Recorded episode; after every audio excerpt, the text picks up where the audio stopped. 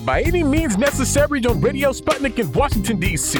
I'm your host, Sean Blackmon, here with Jacquie Luqman. And as always, we are your guide for connecting the political, social, and economic movements shaping the world around us. And today on By Any Means Necessary, we'll be talking about ongoing efforts to scuttle the movement to stop Cop City in Atlanta, Georgia. Also, going to be talking about uh, Japan as uh, there are plans to start releasing nuclear wastewater uh, as soon as this week from the Fukushima Daiichi site, and much, much more. But to kick things off today, we are very happy to be joined by Keyanna Jones, and organized with Community Movement Builders in Atlanta, Georgia. Keyanna, thanks so much for joining us. Good morning. Thank you for having me. Absolutely. And thank you for joining us, Keyanna. And for about two years now, if not a little longer, there has been a, a vigorous struggle in Atlanta to stop the construction of a $90 million police training facility uh, that is known as Cop City. And this effort has seen what I would describe as a pretty incredible uh, repression from uh, uh, the state of Georgia, with uh, people being accused of uh, domestic terrorism, money laundering, charity fraud, uh, even with a police killing of an organizer known as Tortuguita.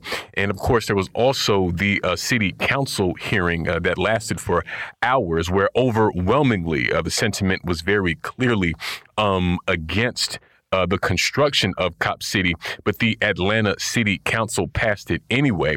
And I believe the very next day, uh, organizers, in anticipation of this, launched uh, a referendum campaign uh, seeking to uh, get signatures and basically put the decision in uh, the hands of uh, the voters of Atlanta.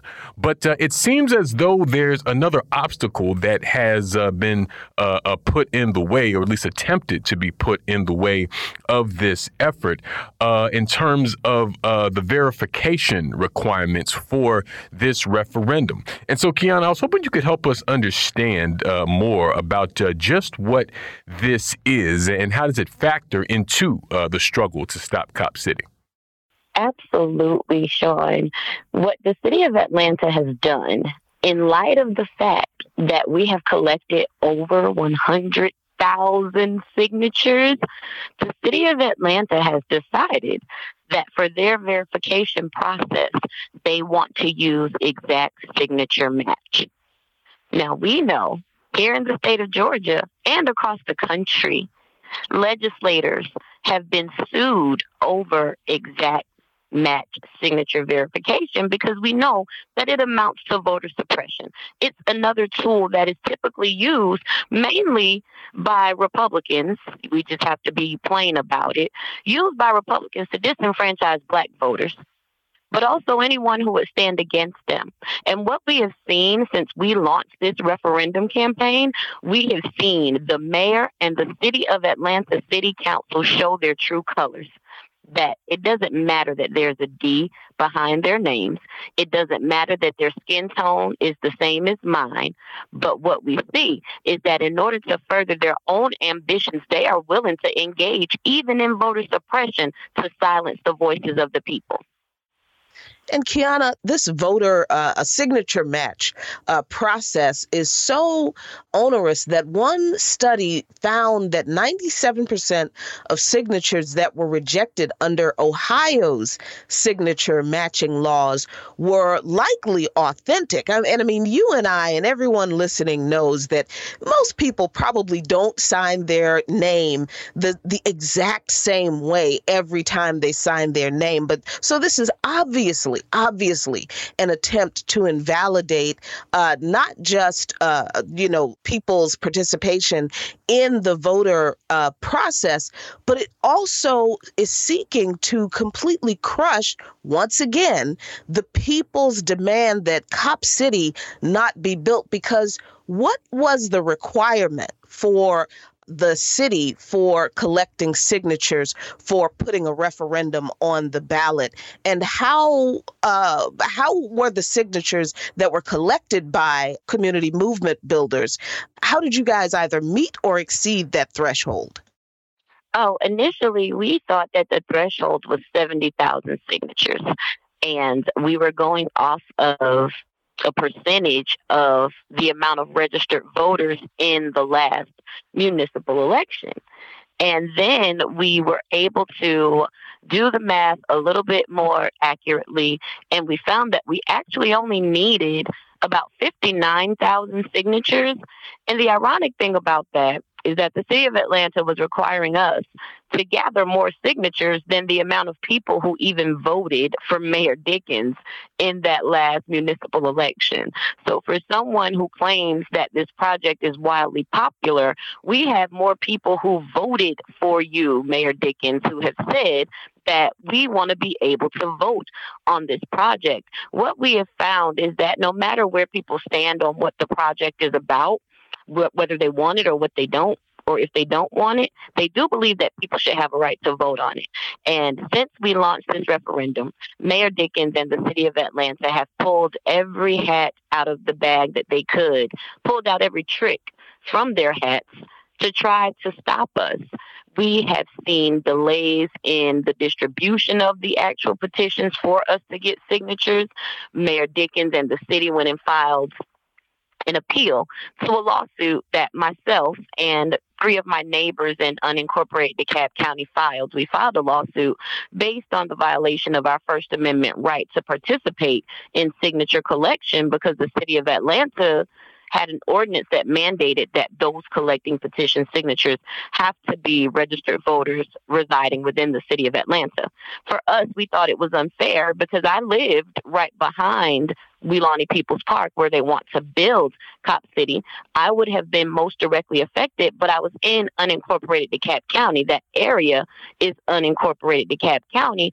So you mean to tell me that we not only don't have a vote, but we're not even allowed to get petition signatures signatures to try to get this on the ballot. We didn't think that was fair. So we went to court and filed a lawsuit that would allow anyone in the state of Georgia to collect signatures because at the end of the day, it's only going to be Atlanta residents who will vote. So we won that lawsuit, got an injunction. Judge granted us an extra 60 days to collect signatures. Mayor Dickens immediately went and filed an appeal saying that we had no right. And not only did he say we had no right to file such a lawsuit, Mayor Dickens posited that all referenda should be invalidated. So, which essentially means that the people have no recourse when they feel that the government is not representative of them. This has been a long and arduous fight these past 60 days, but one thing that we have shown in this movement is that not only are we resilient, but we are not what the mayor is purporting us to be. The mayor wants to purport us to be all violent, ignorant protesters. The mayor had no idea what he was in for when he decided to mess with us because every time he challenges us in court, he gets slapped back down. Every time he challenges us in the streets, the people show up overwhelmingly. And at this point, we know that this is going to be a one term mayor, but we also know that for this fight against Cop City, we're not taking anything lying down. We're fighting every step of the way because we are intent on making sure that the people of the city of Atlanta get to vote on this referendum.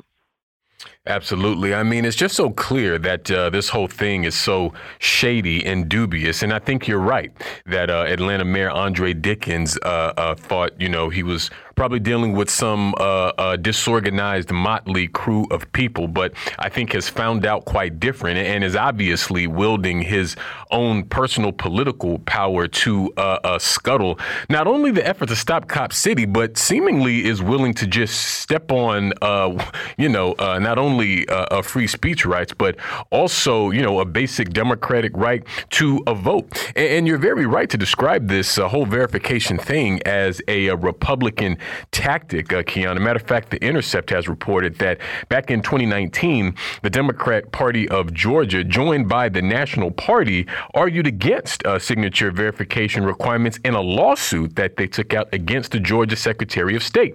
And they wrote at the time, quote, signature matching laws are particularly problematic for racial and ethnic minority voters, young, first time voters, voters with disabilities, and senior citizen voters, all of whom are more likely to have have variations in their signatures or voters who may require assistance from others to enter a signature.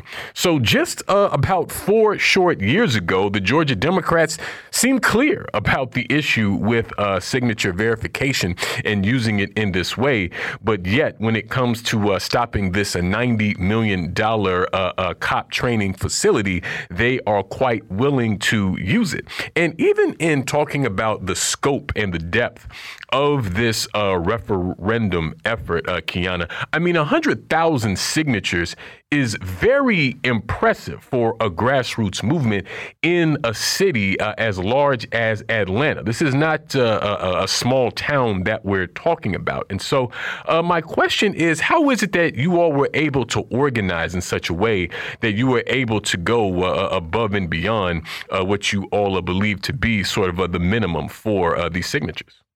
Absolutely, Sean make no mistake about it, this was not just community movement builders.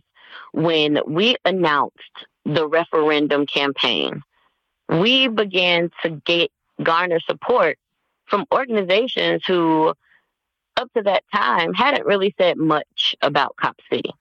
Because let's just be clear and honest, there are some organizations who will stay away from things that are politically polarizing if they don't feel like it's going to advance their political capital. But there are organizations, many of those, who are staunchly aligned in the vein of voting rights. So when it comes to an issue of voting rights, they will then step up and raise their voices. So once we launched the referendum campaign, not only did we already have all of the forest defenders who were in the streets with us, we had community bu- movement builders. We had Working Families Party who had been down with us for quite some time. We had Surge ATL. Now we were joined by Movement for Black Lives, which had already been involved um, with the movement. But then we got New Georgia Project. We got Black Male Initiative. We got Raise Up the South. And when I tell you that all of a sudden there were people who are like, okay, we need to help with this because we need to make sure that people have the right to vote. So at that point, we saw that a lot of these organizations who had really remained neutral or just been silent completely were saying, you know what, they've crossed the line now. You know, at this point, this is where we got to say something because the right to vote is just something that has been plaguing our community for the longest time. It's something that we've been fighting for for decades. It's something that keeps rearing its ugly head when we talk about voter suppression. And the people were just saying, no, we can't sit by and let this happen.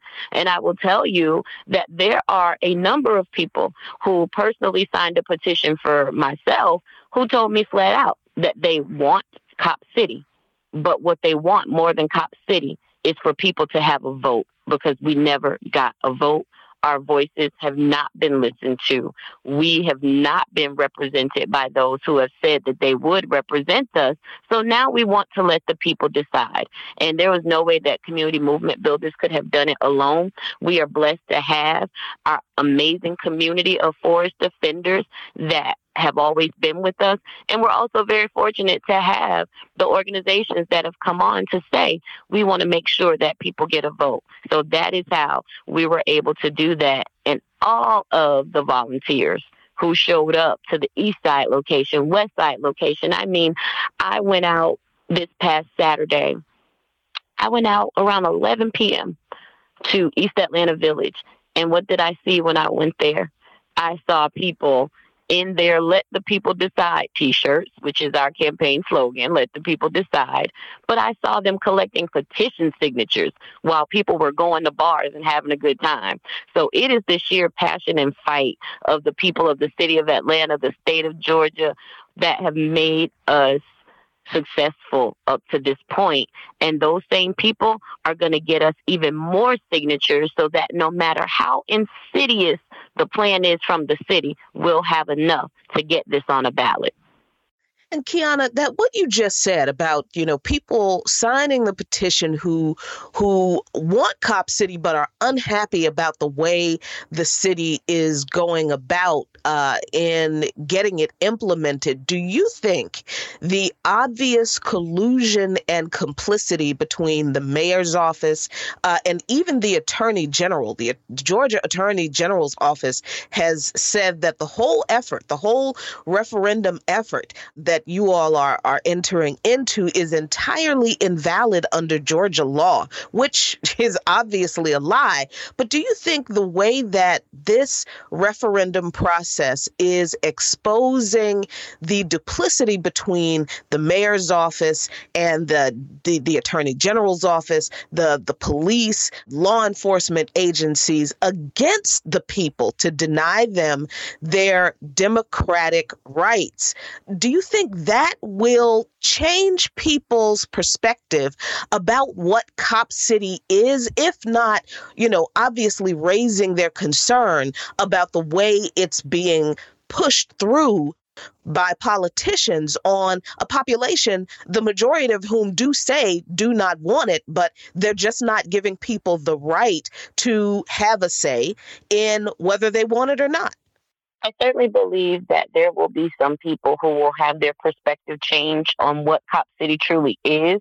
I know that there are a lot of people who now see clearly what Cop City represents.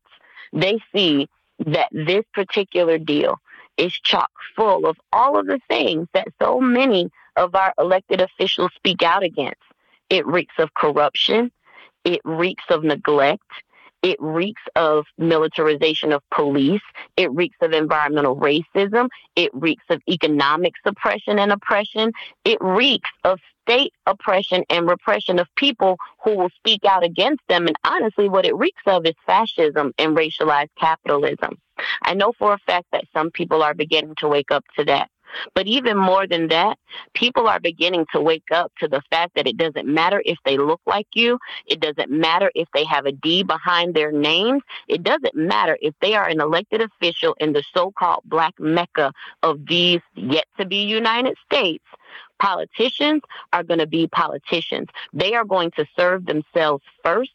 They are not always interested in the people. They don't particularly care about the will of the people. And what we see also is that as people are beginning to come to that realization, people are definitely changing their minds about who to vote for and how they decide to be civically engaged in this society. Yeah, and that's a very important point that you're uh, touching on, Keyanna, especially when we look at cities like Atlanta, like DC, where we're based, like uh, San Francisco, uh, for instance, as well. These U.S. Uh, cities where we have these um, young black mayors and uh, city leadership uh, also tends to have no small number of black people as well. And people look at the superficial part of it and believe that that's somehow translates to uh, being politically progressive. And I feel like Cop City is just one example of how that just is not the case.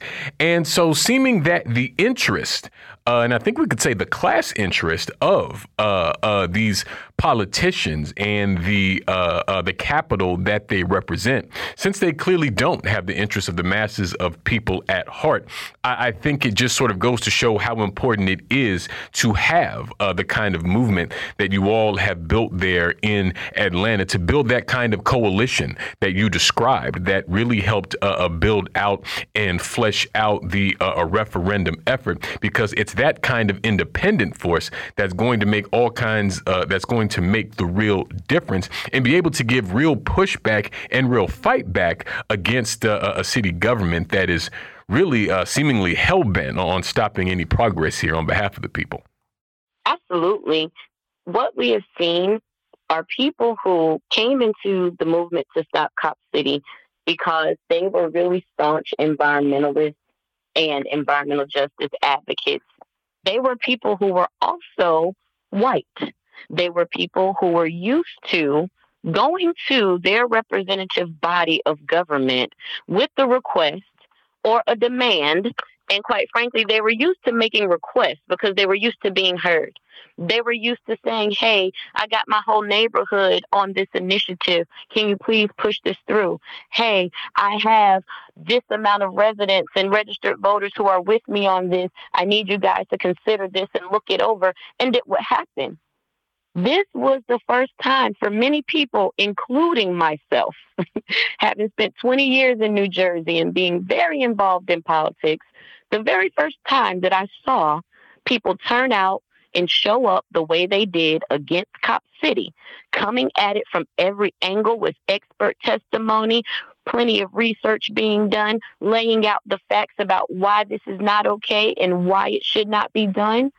But the representative body simply ignored us.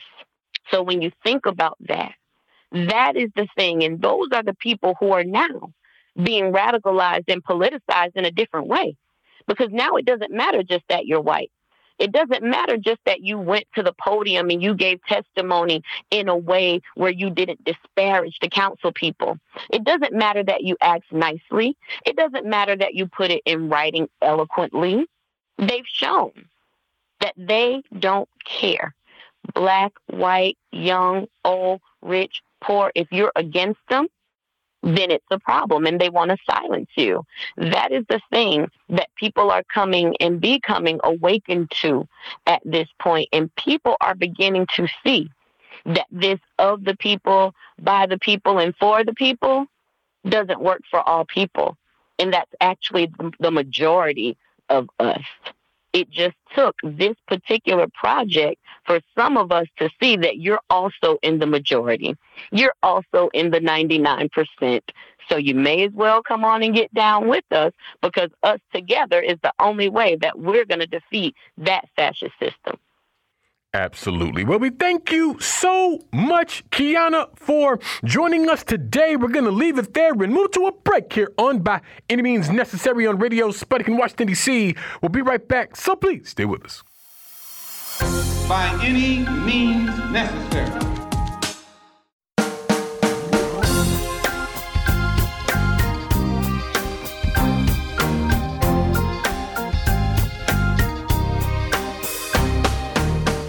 Welcome back to By Any Means Necessary on Radio Sputnik in Washington, D.C. I'm your host, Sean Blackmon, here with Jacquie Luqman. And as always, we are your guide for connecting the political, social, and economic movements shaping the world around us. And today we're talking about the first Republican presidential primary debate. And we're happy to be joined for this conversation today by journalist and author Dan Lazare. Dan, thanks so much for joining us. Thank you for having me. Absolutely. And uh, Dan, tonight will be the first Republican presidential primary debate for the 2024 election which will feature uh, eight Republican candidates, but of course, missing uh, from this uh, uh crew of people on the debate stage will be uh, the front runner for the Republican nomination in 2024. Of course, that's Donald Trump. But the eight candidates that will be present will be Florida Governor Ron DeSantis, Vivek Ramaswamy, former Vice President Mike Pence, former South Carolina Governor and U.S. Ambassador to the UN Nikki Haley. Haley, former New Jersey Governor Chris Christie, South Carolina Senator Tim Scott, former Arkansas Governor Asa Hutchinson, and North Dakota Governor Doug Burgum. Now, uh, it's an interesting dynamic here, of course, Dan, because, you know, Trump uh, dealing with different legal issues and not able to make the debate, although I'm not sure he would really need uh, uh to be there. And I think on the one hand, this could uh, uh, provide an opportunity for these eight candidates to sort of uh, develop their own buzz, if you will, and sort of establish their own identity in this presidential race. And, you know, I think that performance in this debate is one thing. I think convincing the uh, Republican base that they actually are a viable alternative to Trump is quite another question. But uh, uh what are some of your top line thoughts about uh, tonight's first Republican primary debate? My top line thoughts is the nominee. I mean, he uh, he has the nomination in hand. The, the Republicans really can't nominate anybody else, uh, and this is all kind of an empty exercise. You know, Trump is, you know, the, the, uh, the more the Democrats indict Trump, the more his grip on the Republican nomination tightens.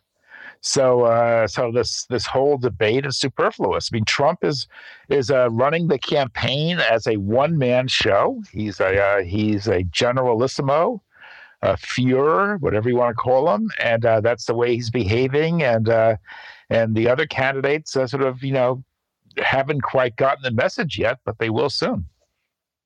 And you know, Dan, it's been interesting to watch some of the more uh, uh, recognizable Republican candidates uh, try to make the case for themselves in different ways. I mean, if you if you follow Nikki Haley on social media on on on the platform called X now, she's it just seems like all she talks about is China is the enemy and we have to protect America from the evil communist Chinese. You know, you've got Chris Christie resurfacing who um, nobody in New Jersey really likes. And they're wondering probably why he's running again. He really never recovered from all of those scandals uh, from uh, that, that he suffered the last time. And of course, there's Ron DeSantis, who is doing everything he can in Florida to out Trump Trump, I guess, uh, in being the most obviously blatantly racist Republican candidate that exists. And that has not helped him in the polls. What in the world could these people say on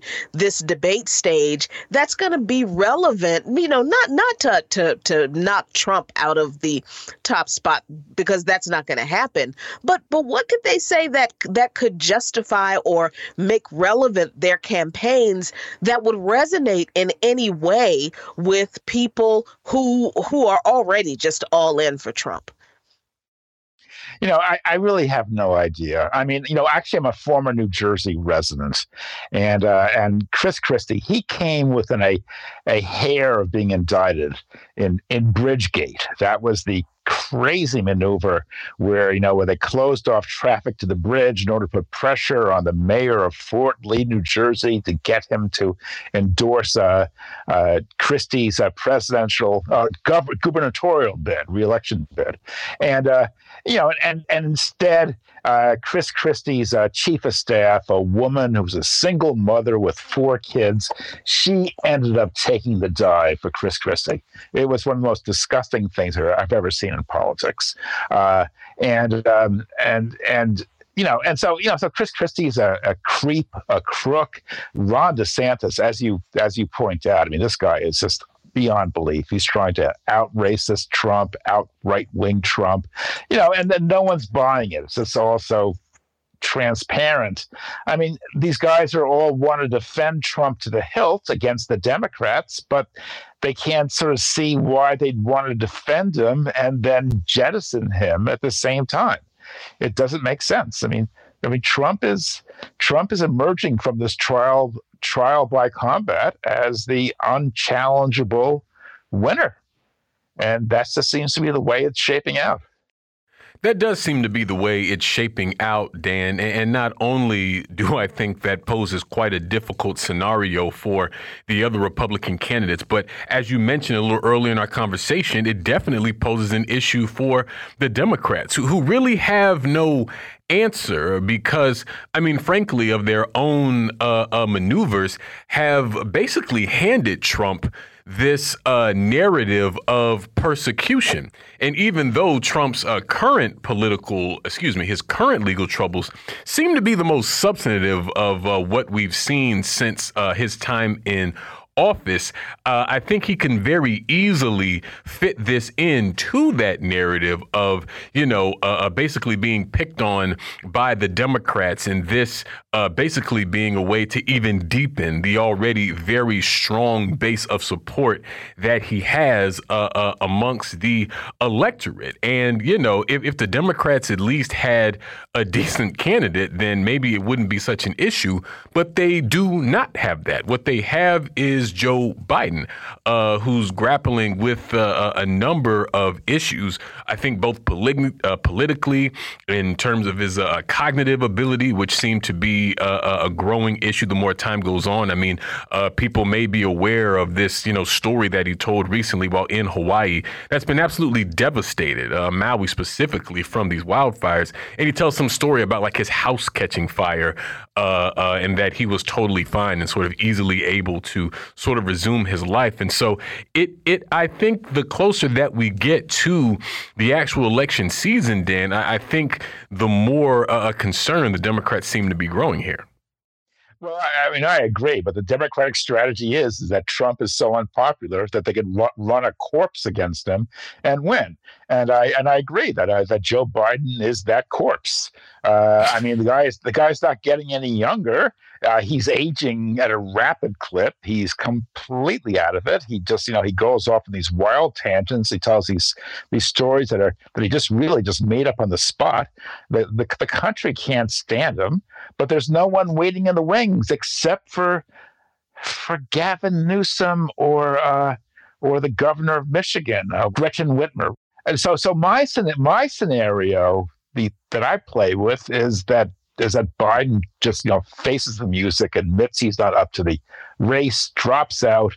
Uh, Kamala Harris recognizes that her her you know her public support is nil, and then the uh, Democrats bring in either Whitmer or Newsom, who I think are kind of you know would be sort of strong candidates. Uh, that's how that's how I see it playing out. I don't know if the Democrats have the guts to do that. They probably don't. Um, uh, but otherwise, you know, the Democrats are hoping that you know that even Joe Biden can beat Donald Trump, and you know, they may be right depending on how things you know develop. But uh, but if they if the war takes a bad turn, if the economy takes a bad turn, if Joe Biden's health takes a bad turn, they're all and they're in deep, deep trouble. Yeah, and you know when we're looking at this, you know, this debate and the the Republican candidates, how do their differences in regard to policy shape what we're going to see in the debate. And really I, I, mean none of them have any viability but but what do their differences in policy mean for how how much longer they're going to stay in this race against Trump which at this point I think it's pretty clear that all of them are going to have to drop out against Trump. But policy wise what what what are their differences and and and do they matter well, the only the only thing I the only big difference I can see is the uh, is that both Pence and and Chris Christie have been willing to to attack Trump uh, for his behavior on January 6th, and that's obviously a very big deal. But the Republican Party in general seems to have uh, moved into a position of semi kind of sort of supporting uh, Jan- the January 6th insurrection. So, uh, so I think that uh, that that that Christie and Pence won't get very far with that argument. I mean, let me just emphasize: I I I, I think we could be facing a, a, a complete disaster. And when I say we, I mean anybody who cares about small d democracy in the political sense. Because I mean, essentially, we have a we have a, a we'll have a pro and anti J six election in 2024.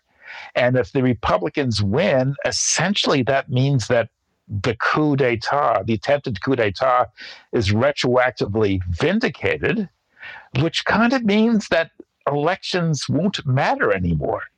And America will, will pass from being a, a semi democracy, which it is now, into an outright authoritarian state. So there's a great deal at stake here. But the problem is the Democrats are so decrepit, so so hated and so hateful that that nobody that they're that they're they're basically kind of handing the election to Trump.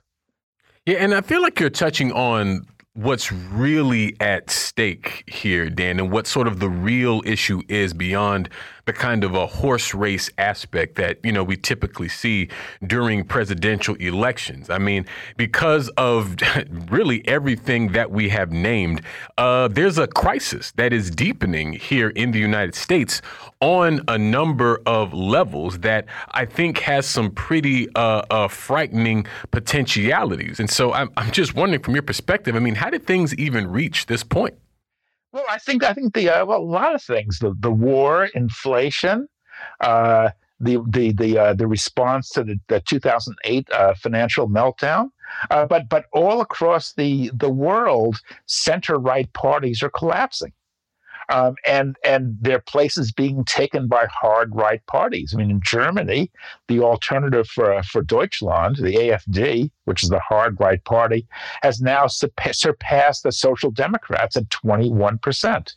Now, just I mean, just just think about it. I mean, I mean, this means essentially that the end of of uh, of, um, of nearly 80 years of post war history in which a liberal Germany under American protection provided the political framework for the entire for all of or the whole European continent.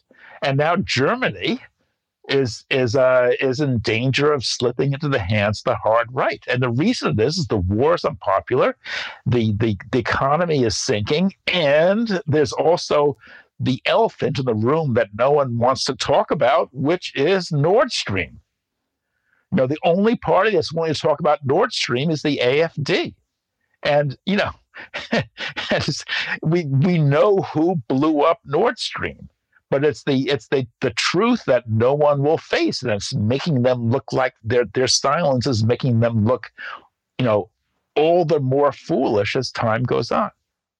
Yeah, you know, it's interesting that you raise uh, a Nord Stream, and I agree that it's something that uh, does not want to be discussed, certainly here in the U.S. I mean, I think it's very, very telling that uh, Seymour Hersh, an eminently uh, legitimate, credentialed, and uh, award winning journalist, had this uh, great coverage of that whole issue and was basically ignored. I mean, he got far more, uh, uh, he was far more platformed on uh, alternative media platforms than he were on, you know, the kind of mainstream uh, corporate press platforms that you would think uh, someone of his stature would have access to.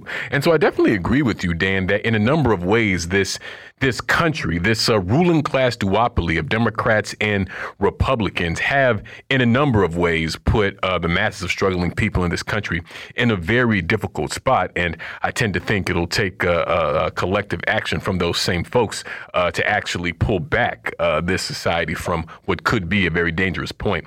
But we want to thank you so much, Dan, for joining us today. We're going to leave it there and move to a break here on By Any Means Necessary on Radio Sputnik in Washington, D.C. We'll be right back, so please stay with us.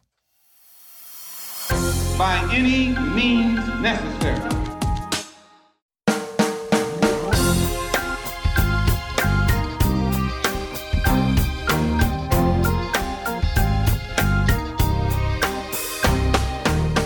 Welcome back to By Any Means Necessary on Radio Sputnik in Washington, D.C.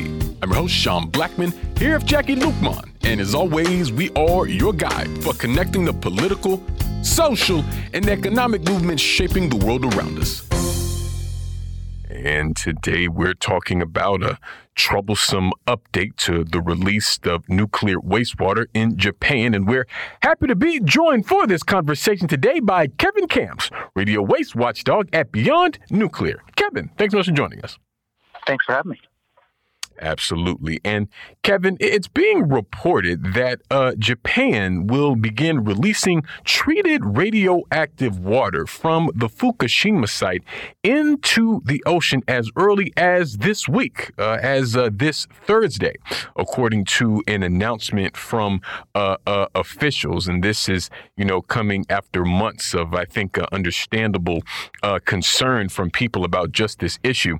And Prime Minister Fumio Kishida Kishida said that authorities would, in fact, go forward with the release this week, quote, if they encounter no obstacles. And of course, this whole issue stems from a devastating uh, earthquake and tsunami in Japan in 2011 that uh, caused water from within the Fukushima nuclear plant to be contaminated with this uh, radioactive material. And we've been following this issue, uh, Kevin, and have been uh, talking about it with you uh, here on the show. And I mean, even though it seemed clear that the Japanese government uh, seemed intent on moving forward with this, it's, at least for me, still kind of striking that it is, in fact, going forward, even with what I think should be uh, the obvious uh, uh, uh dangers of doing uh, such a thing. And so, I mean, I know we're not in the head of Japanese Prime Minister Fumio Kishida, but I mean, from your perspective, I mean, what is even the, the logic of uh, doing this and why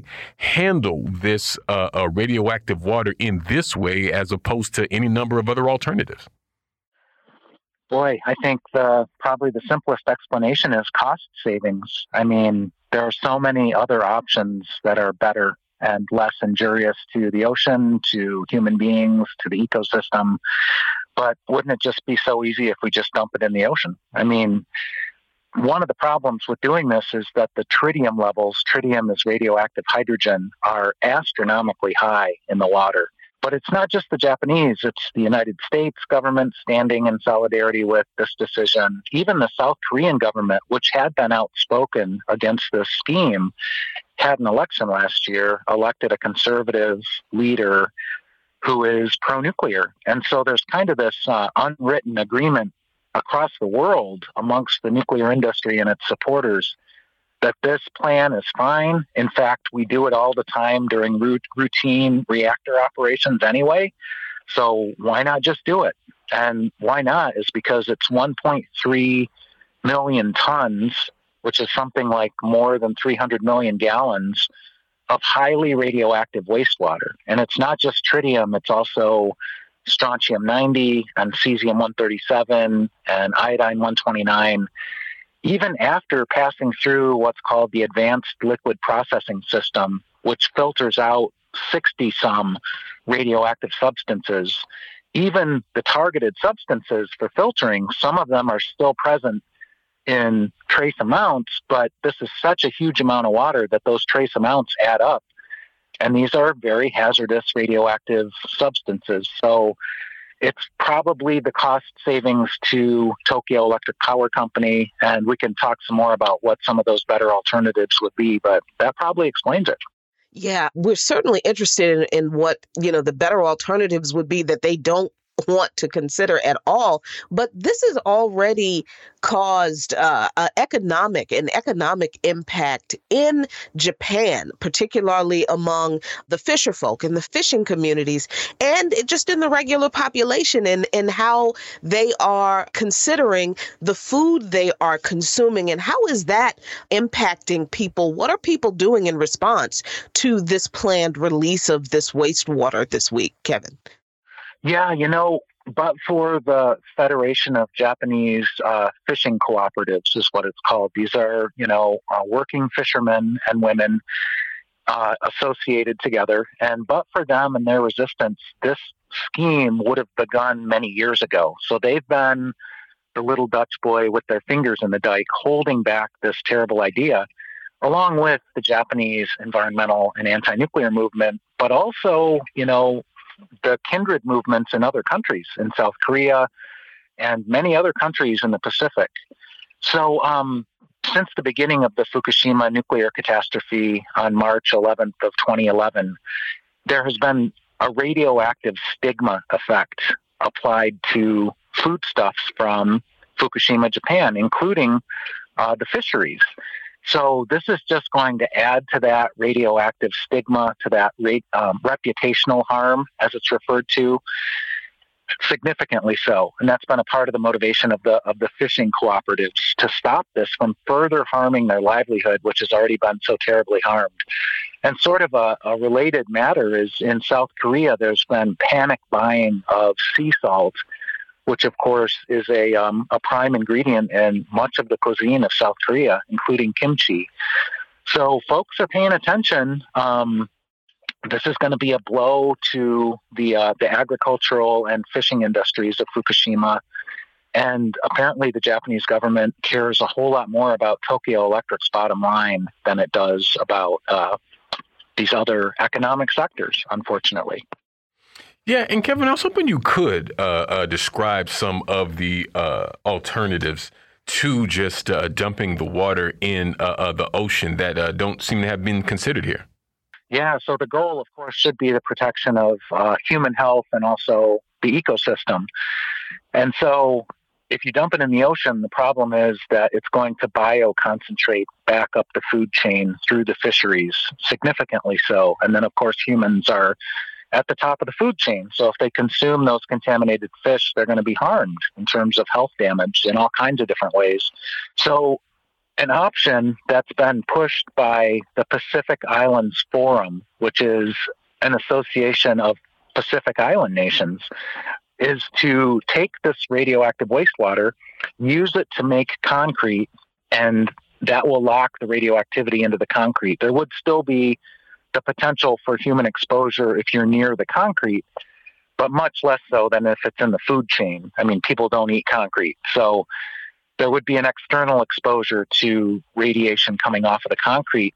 They're using a lot of concrete at the Fukushima Daiichi site during the decommissioning of these three melted down reactors and then three additional reactors there that did not melt down. So that is the option that the Pacific Island countries are pushing. Use it for concrete on site or even elsewhere, but don't dump it in the ocean.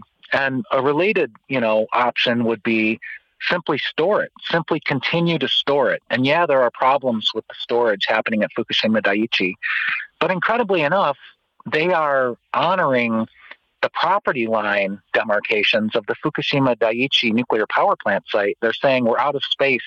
There's no more room for more storage tanks. Are you kidding me? They have turned that entire area and region into a radioactive dead zone. People are not going to live on the adjacent properties. They could simply continue to expand the storage, but they refuse to. And um, storage for 123 years is 10 half lives of tritium, which some people consider sufficient, maybe 20 half lives, which would be 246 years. And the tritium has radioactively decayed. It would not be an issue anymore. And it's one of the biggest issues in this wastewater. But they refuse to continue storage. In fact, they're just going to dump it in the ocean.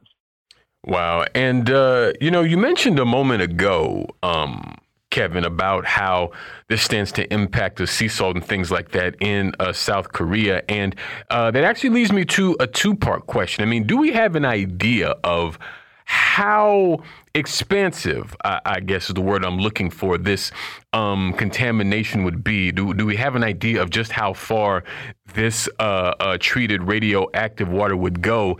And uh, speaking of the climate issue that, that you mentioned a little earlier, I mean, do we have an idea of what those impacts could be on, uh, uh, you know, sea life and things like that as well? Well, the um, what's happened with the Fukushima catastrophe already is, you know, an indication of what is going to happen with this ocean dumping. I mean, the difference is the disaster was, you know, an accident, so to speak. It was a, uh, you know, as you said, it was the biggest earthquake in Japan's history, a 9.0, followed by a 45 foot tall tsunami that hit the site. And that was the double blow that caused those three reactors to melt down, and then the massive releases of ionizing radioactivity into the environment, especially into the Pacific Ocean. None of that was intentional, although you have to wonder why are we taking these risks with nuclear power when something like this is possible? Can you call that an accident when you know you're taking a risk? But anyway, that huge release, the second worst only to Chernobyl in human history thus far, a lot of it went into the ocean. And it took some months, but then that radioactive plume reached the western coast of North America. And for one thing, it doubled the radioactive cesium content of seawater on the west coast of North America, which means all of the atmospheric tests of nuclear weapons with its artificial cesium got doubled by Fukushima, which is really mind boggling to think how big the Pacific is and that it doubled radioactive uh, artificial radioactive hazards in seawater on the west coast. So that is what's going to happen. The currents are going to carry what's released at Fukushima Daiichi to the west coast of the United States and Canada. It may take some time, but it will get there. But worse than that, even, is the bioconcentration, bioaccumulation, biomagnification in the food chain. That's going to be a concentrated dose of tritium and other radioactive hazards in fish and other ocean life that people consume.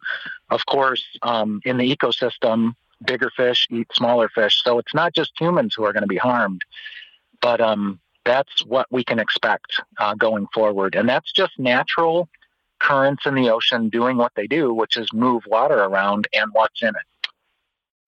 Yeah, and of course, China uh, will be affected by this as well as the Pacific Islands. And China, Chinese officials have issued a statement saying that uh, they will take necessary measures to safeguard food safety and people's health. And the Chinese Foreign Ministry spokesperson Wang Wenbin uh, said on Tuesday that they strongly urge the Japanese side to rectify its wrongful decision. What can governments do to uh, protect the safety of their food and their people uh, after the release of this of this toxic material because it's not just going to be China and the Pacific as you just pointed out it's going to be all of us well, um, one option that's already been exercised by some countries um, for various lengths of time since 2011 is boycotts on the fisheries from Fukushima. So I don't know, you know, if that's being considered by the Chinese government. Um, another thing that governments could do is much more careful monitoring of the seafood supply with um, various laboratory testing and other means of determining how bad the contamination in terms of the radioactive isotopes is. There's huge gaping holes in the monitoring of seafood and um, and other foodstuffs from the oceans. So that needs to be improved just period because there's already been so many radioactive assaults on the oceans from nuclear weapons testing to nuclear disasters like Fukushima. But you know, I mentioned it briefly earlier, the, the routine operation of nuclear power plants also releases things like tritium and these other radioactive hazards as a as a regular course of doing their business. They're allowed to. They have permits from their governments to do so. That includes in China, that includes in Russia, that includes in South Korea and other countries that have protested. South Korea is no longer protesting this scheme. But um, that needs to stop as well. Um, it's a regular abuse of surface waters by the nuclear power industry. A part of the reason is that tritium, radioactive hydrogen, is so small that it's very difficult to impossible, certainly very expensive to filter tritium out of water because it's chemically identical to water. The hydrogen in the water is simply radioactive and hazardous. So that is a byproduct of nuclear power, and their way of dealing with it is to simply release it into the environment, and it has worsened. Natural levels of tritium from cosmic radiation do exist, but artificial is just dwarfing that at this point in the environment, and it's causing harm to human health, but nobody's tracking it. Yeah, and Kevin, I'm just wondering because you're someone who has a deep knowledge of how uh, uh, different countries have uh, handled and often mishandled uh, radioactive material, and I'm just curious if we've seen something in the past uh, quite like what the uh, Japanese government is preparing to do here with this radioactive water. I mean, Fukushima is kind of uh, unique in history in a sense. And actually, one of the top watchdogs on the Chernobyl catastrophe, uh, Dr. Alexei Yablokov, uh, Russian biologist of impeccable credentials, he was Yeltsin's advisor on the environment. Shortly after Fukushima began, he said Fukushima could well surpass Chernobyl in terms of its impact on human health. Why? Because of the population density around Fukushima, as opposed to uh, Chernobyl, which was a more rural area. Also, its releases directly into the ocean. These were some of the points he made just weeks after Fukushima had begun. And um, so there are other nuclear horror stories, of course. They're not exactly identical to a, a, nuclear power plant meltdown, but for example, the, the reprocessing of high level radioactive waste in places like Siberia in Russia for weapons use, in Hanford, Washington in the U.S. for weapons use. Um, there's commercial and military reprocessing in France and in England. that process called reprocessing, extraction of plutonium from high level radioactive waste, often for weapons use, is environmentally catastrophic. Huge releases to many times the oceans. So there's this attempt by the nuclear industry to normalize such behavior, but it's not normal. It's causing tremendous ecological and human health impacts. And it's happened before, it's happened since the 1940s, and we just have to put a stop to it. And you know the the human impact that has happened before just just curious has anyone ever been held responsible? Anyone in the nuclear industry any of the uh, energy companies that operate these nuclear reactors that have released these uh, waste products and caused harm to people? Have they ever been held accountable? And do we expect uh, fukushima to be held uh, accountable for when it happens again no, there's very little accountability. I mean, sometimes, you know, there have been prison sentences served by some of the decision makers involved in, for example, the Chernobyl catastrophe, but many times it's it's a scapegoating. Yes, those people played a role, they did have some responsibility, but at something as big as the Chernobyl nuclear catastrophe, there were a lot of bad decisions made by a lot of people at very high levels. The same is true at Fukushima there have been attempts at justice by the survivors and the victims of Fukushima, but there's been very little uh, accountability. There's been very little justice. A lot of times, the um, the defendants simply beat the charges. It's really incredible. I guess one sense is it's these crimes are so big. These are crimes against the planet. These are crimes against the future. These are crimes that are so big that it's hard to wrap your head around, and yet nobody is held to account for these crimes. And I think a part of it is just a reflection of kind of this the political and economic power of the nuclear industry, that they're above the law. And even when they cause a global catastrophe, there's there's very little accountability by human beings who made very bad decisions just because, you know, they're very powerful. So that's another thing our our species has to grapple with. Our society has to figure out how to hold extraordinary criminals accountable for their extraordinary crimes. Absolutely. Well, we thank you so much, Kevin, for joining us today. We're going to leave it there and move to a break here on By Any Means Necessary on Radio Sputnik in Washington, D.C. We'll be right back, so please stay with us. By any means necessary.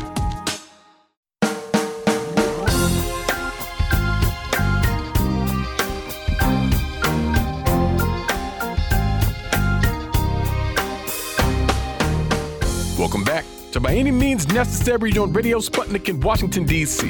I'm your host, Sean Blackmon, here with Jacquie Luqman. And as always, we are your guide for connecting the political, social, and economic movements shaping the world around us. Oh, yes, we're here. We're back, top of the hour. It is Wednesday, August 23rd, 2023. And of course, in 20 minutes, you'll be able to give us a call here by any means necessary to give us your thoughts, ideas, questions, or concerns about anything you've heard on the show today, anything at all relevant happening on this earth. We want to hear from you. But those aren't the only way that folks can get in touch with us here on the show. And if you will, please, Jacquie, let the folks know how they can holler at us.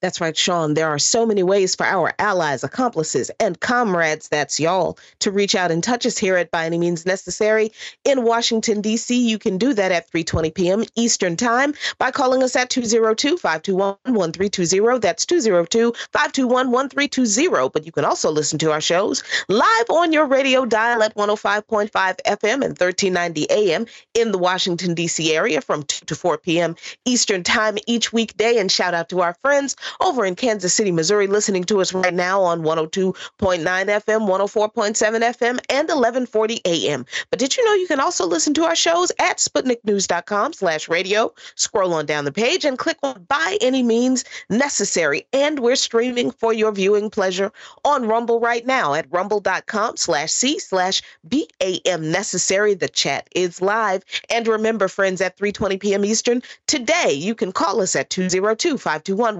1320 that's 202 521 1320. But wherever you are in this world and however you do it, we want to hear from you.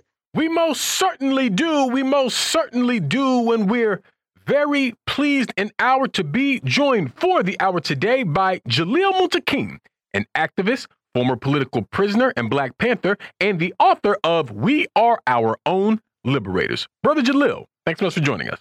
Uh, my, my pleasure, my brother. Assalamu alaikum, peace, Pastor Baragani. Uh, to all of your listeners, I greet you in peace and solidarity. Absolutely. And Brother Jalil, uh, we're in the waning days of Black August for the year 2023. And we thought it was important to have a conversation about the tradition and commemoration of uh, Black August that uh, focuses and centers on its roots in the radical prison movement, particularly around uh, the life legacy and politics of one George Jackson, with the anniversary of his death uh, having passed recently. And so, to begin, I was hoping you could help us understand some of that early history of Black August and its practice from behind the prison walls. And I'm just sort of curious how the commemoration of Black August sort of uh, uh, how does it sit with you now as someone who has seen it from both sides of the wall? No, thank you for that question. It's a very good question. It's a historical question. It's, it's extremely important that everyone understands that the organization that evolved or created the idea of Black August is, called the Black Guerrilla Family. The Black Guerrilla family evolved from out of conditions in California prison systems where we had a system that's based upon the idea, the false, aberrant idea of white supremacy. We had Nazis, you had Aryan Brotherhood, you had Ku Klux Klan, and you had these uh, bikers, uh, uh, Aryan bikers, and you had prison guards who are often, more often than not, abusing uh, black, brown, uh, prisoners are what I call incarcerated slaves inside California prison system. And it resulted in the need or necessity for them to begin to defend themselves uh, as part of their surviving a racist prison slave system.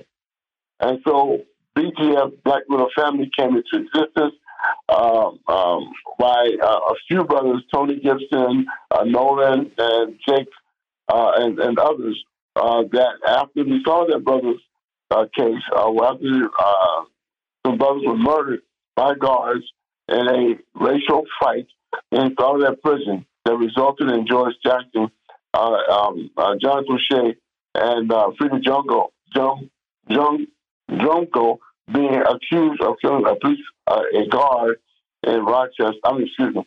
And saw that, and saw that after uh, this uh, this uh, prison guard was killed in retaliation for the murder of three people in the prison yard, Old Green Yard.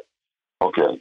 Uh, and as a result of building a campaign in support of Soledad Brothers, ultimately it led to George Jackson, uh, Comrade Comrade George Jackson, who was the field marshal of the Black Panther Party. Uh, ultimately, and led to his being murdered, being assassinated, after his brother, a year earlier on August 7th, attempted to free William McClain and, uh, excuse me, uh, James McClain and William Christmas uh, from out of Marin County Courthouse. That was on August 7th, 1970. Uh, and fortunately, or some might say unfortunately, but fortunately, at that time, Ruchell Magee was also in that courtroom. He preparing to fight a case on his own, uh, his corpus, uh, to be released from prison. And when Jonathan came in and saw and he saw what was going on. They asked Ruchell, do you want to come along? He agreed.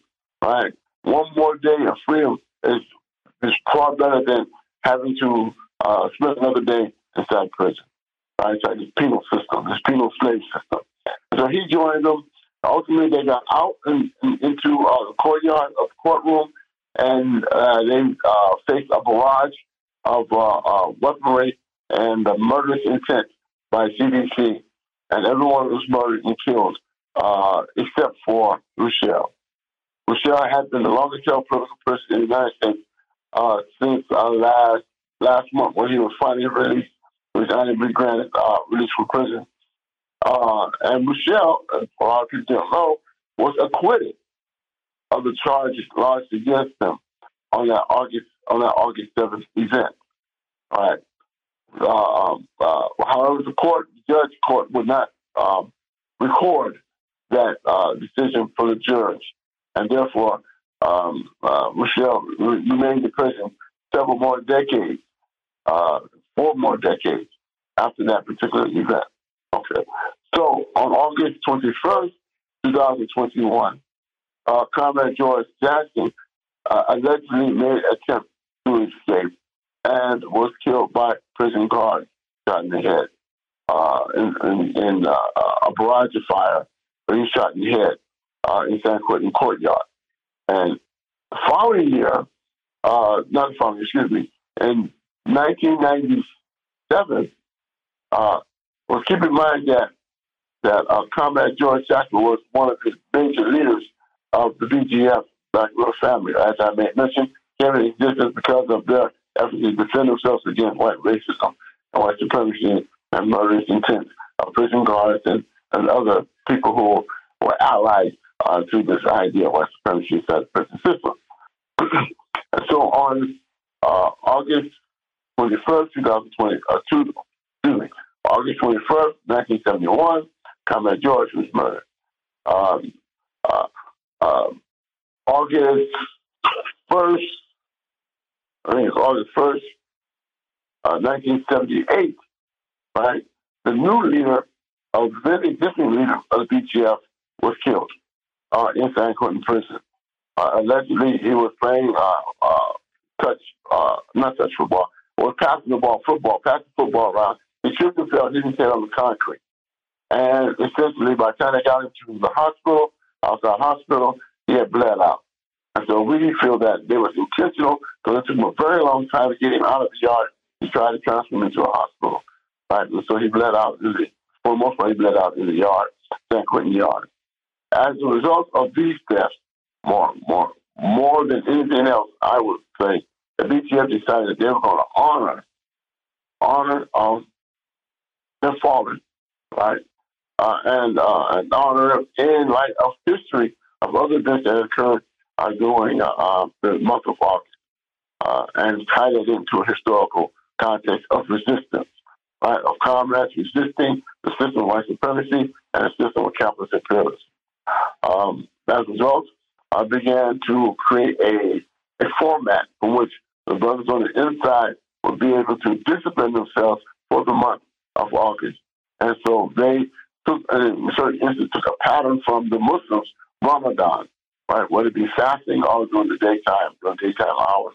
Right? They'll read and study, they'll do exercises, and they'll do meditation and self healing as part of the whole month uh, to reflect on what it means to be uh, uh part of the resistance and part of the struggle for liberation and freedom of black, brown, and indigenous people in this country. Yeah, and for sure. And uh, you know, brother Jalil, on on on top of that and along with that and understanding how uh important that uh history is i mean from your perspective why is it uh, so important that we continue to sort of have that understanding of the history of not only George Jackson, as important that that, that he is and continues to be, but you know some of the uh, other people that you mentioned as well. You know the W. L. Nolens and you know the Hugo Pinells and, and people like this. And actually, um, I, I, I was hoping you could talk some about how George Jackson was viewed as a uh, uh, as a figure within the prison movement, both before and after his death. But what was his stature amongst the uh, incarcerated people uh, during that period? Uh, absolutely, great, uh, great question. Um, Comrade George Jackson was a very astute political science. Um, remember now, he went to prison at a young age for a ten dollar uh, uh, gas station robbery, right? And while he was in prison, he ran into people like Gibson, like Nolen, uh, uh, uh, and others who was able to provide him some understanding of the struggle which they were engaged in. These individuals who he had met inside prison considered themselves to be, for most part, black Marxists or black communists. right? And so they were teaching George, along with other comrades inside the institutions, the necessity to defend themselves and some of the history that they do not teach us in schools today. As Carter G. Woodson has said uh, in this book, The Miseducation of the Negro, we continue to be miseducated. So therefore, our comrades inside the institution, particularly in California, our penal slave system, they decided it was a necessity to awaken our comrades, our young people, and develop a a a a, a celebration uh, of resistance. That's the word. Uh, a celebration of resistance, and therefore, Comrade George represents, in many instances, uh, the reasons why for the celebration. After the case of the Soledad brothers, and he wrote this, uh, the Soledad brothers book, and I have read it. You should get it. Uh, the Soledad brothers book. He wrote a book called Blood in, Blood in My Eye. And Blood in My Eye became a, a, a must-read book uh, for the comrades inside California prison system, uh, whereby he was providing a revolutionary theoretical foundation for which to engage in struggle uh, in the United States. Uh, to to by as comrade uh, uh, El Hassan Shabazz Malcolm by any means necessary to win our freedom against the system of capitalist imperialism uh, and, and, and white supremacy. And so his book uh, again, um, not only by, by virtue of um, the campaign to free him, uh, the Brother case, uh, but also um, his own writings supported this this bigger than life individual was able to survive not only the prison system but also provide um, uh, insight and understanding of the broader struggle for which we engaged in. And as the field marshal of the Black Panther Party, uh, he became the field marshal of the Black Panther Party. He was also providing leadership skills in support of the Black Panther 10 point platform and program and how that translated into the prison system. And so, given this, this, this young man's talent and his, his love for our people and his courage uh, uh, uh, to engage in a system that we know is beastly in and of itself from the penal uh, slave system, uh, we find that he was a man of integrity and honesty and love for his people, and therefore he's honored in that capacity. Yeah, Brother Jalil, and August itself was chosen for uh, the, the, the specific reason of the many liberation struggles of our people that you said a little earlier we're not taught in school that George Jackson himself had to learn about. And why were some of the other uh, uh, liberation struggles during the month of uh, uh, August chosen as the centering and and the commemoration of Black August? And why should we hold on to this history to guide us through not just another commemoration of Black August, but the continuation of liberation struggle for our people today? Yeah, that's that's the question. Uh, I, I'll give you two examples uh, for Black August. One is um, uh, the, the, the rebellion of uh, Nat Turner uh, was also commenced in, in August. Uh, and another great, the great um, Marcus Garvey and his movement was subject to in, in, August. Um, um, and, and, let me, respond. Marcus Garvey is the greatest organizer that we've had in a contemporary time. He's able to organize the black people in the United States, in the Caribbean, in Africa, uh, in Latin America, as well as uh, um, uh, in, in, in, England. And that's usually why it was considered a threat to the system. And so uh, we also find that, um, of course, of our own struggle, uh, our opposition, particularly the FBI, CIA, and et cetera, are always seeking to prevent the rise of what they call a messiah uh, that they once considered uh, Marcus Garvey, uh, uh, based upon uh, J. Edgar Hoover's um, original um, efforts to to squash uh, um, uh, Marcus Garvey and came up with a program called COINTELPRO. And so we have looked in history, what they did, brothers inside, they looked in history and they found various incidents of resistance that happened in the month of August. And that's the reason why, one of the reasons why they chose. But not only that, but of course, Jonathan George, and Khatari, uh, three individuals who are close to their heart and understanding of their sacrifice in support of them.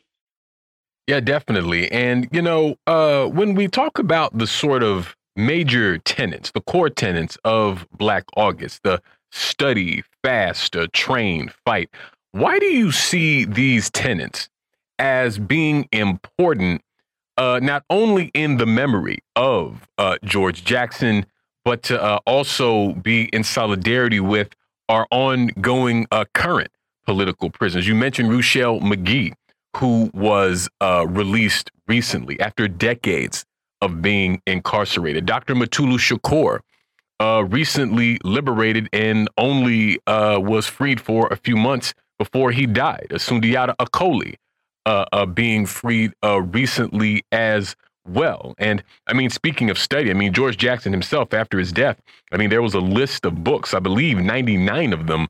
Uh, uh, so we're talking about someone who really, uh, uh, uh, to say the very least, took study very seriously. And I mean, you look at this list of books. I mean, there's W.B. Du Bois and Ho Chi Minh and Marx and Lenin and Martin Luther King Jr. and C.L.R. James. I mean, the list just goes on and on. And I really uh, encourage people to look this up. And uh, the practice of fasting also, uh, uh in terms of you know what that kind of uh, a sacrifice means. I mean, what? Why do you see these practices as important in the uh, practice of Black August and how we glean a deeper meaning from it? I appreciate that question as well. Uh, we can go very deeply in, in regards to, how uh, fasting uh, purifies and supports uh, uh, healing of the body. when you're overeating, as many people do, but in, particularly in, in the penal slave system, where more often than not the food is not the best and not the most nutritious food uh, for people. That's slave food for the most part inside these prison system. It's important to be able to cleanse cleanse oneself out. But not in terms of cleansing oneself out, cleansing oneself out with a purpose. Why? Right? What is the idea of uh, uh, reason or the motivating, inspiring reason for going through this fast? Fast is not easy for everybody, right? And so uh, to not eat from sun up to sun down uh, is, uh, uh, is, is a way for which you can discipline yourself and know your own strengths and weaknesses and be prepared for certain times and conditions in which you may not be able to get food. Uh, you may not be able to uh, uh, uh fill your belly or have drink uh, where you have to engage and struggle. And so this is something that becomes part of your training and training your mind and training your body in terms of a condition of deprivation. Right, so it's important for us to do that on that level, and also it serves to to strengthen uh, a connection, a spiritual connection uh, to uh, uh those who came before you, on whose shoulders uh, we are now standing. Right, recognize that uh, those ancestors of ours, right, we are also sacrificing food, we're sacrificing drink in celebration of that struggle and that sacrifice that they've made on the spiritual side. Okay, and that's what you want to study. We have to study. At one point, I had over 500 books uh, in, in, my cell. Uh, taking the example of Comrade George, you know, uh, being a, a, a, prolific, prolific writer and uh, uh, and one who just craves uh, information and particularly history and understanding the nature of our struggle. But you don't just study it for just for the sake of studying. You study it for the purpose of inculcating and disciplining yourself to be able to put what you study into practice, to put theory into practice. Uh, that is very important as well. And so for those individuals who engage in Black August for studying, being Black August for or all the principles, disciplines of uh, engaging Black August, they are also preparing for the continuation of their struggle after the 30 days or after Black August, right? So it's a matter of which we fortify ourselves, fortify ourselves in, the, in our thinking, and our understanding of the struggle which we have to engage in, and understanding the history of resistance uh, that we are not taught in this country um, uh, for various reasons. The main reason, of course, because uh, if we knew, if we understood the nature of, of, our struggle and our capacity to resist and have resisted, uh, we will continue to resist at a much more intense level uh, of resistance for an ideal, uh, specifically uh, to divorce ourselves from a system of capitalist imperialism and divorce ourselves from a system that's been engaged in genocide against black, brown, and indigenous people. So Black August reaffirms that commitment and reaffirms that idea, rediscipline ourselves uh, for the for the next uh, 12 months of engagement uh, as black people, brown people, indigenous people have to do every time they wake up in the morning and and, and go out in, in, into this world. right? We have to be careful because uh, we know that at any point in time, we might have to confront a situation that might be deadly to our very existence. And so for us, it's important. You know, it, it, it, I just want to segue. You know, why are we the only people have to tell our children or give our people uh, the talk? Why is that? Why is it that we have to uh, instruct our children, right? Uh, um, the correct handling of proper handling of dealing with these uh, these uh, law enforcement officials. Other families, uh, white folks, they don't have to tell those children to talk. So why do we? Right? And so again, you know, I just laid that question out there because we recognize that we have every day you walk out out of the house, uh, we have to be careful. Have be concerned, right? Um, who we are confronting. But we live we live in a system that, for the most part, uh, demeans, dehumanizes, and degrades the value of black people every day. And so Black August represents our capacity to be conscious of that reality and to uh, strengthen our, our spiritual, our mental, uh, our physical selves by in preparations for the time when we have to walk out that door, walk out that house, right, and confront this world. Absolutely. We're going to move to our first break of the hour on that note here on By Any Means Necessary on Radio Sputnik in Washington, D.C. We'll be right back, so please stay with us by any means necessary.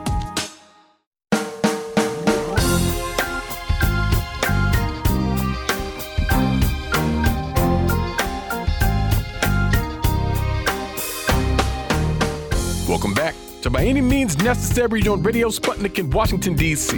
I'm your host, Sean Blackmon, here with Jacquie Luqman. And as always, we are your guide for connecting the political, social, and economic movements shaping the world around us.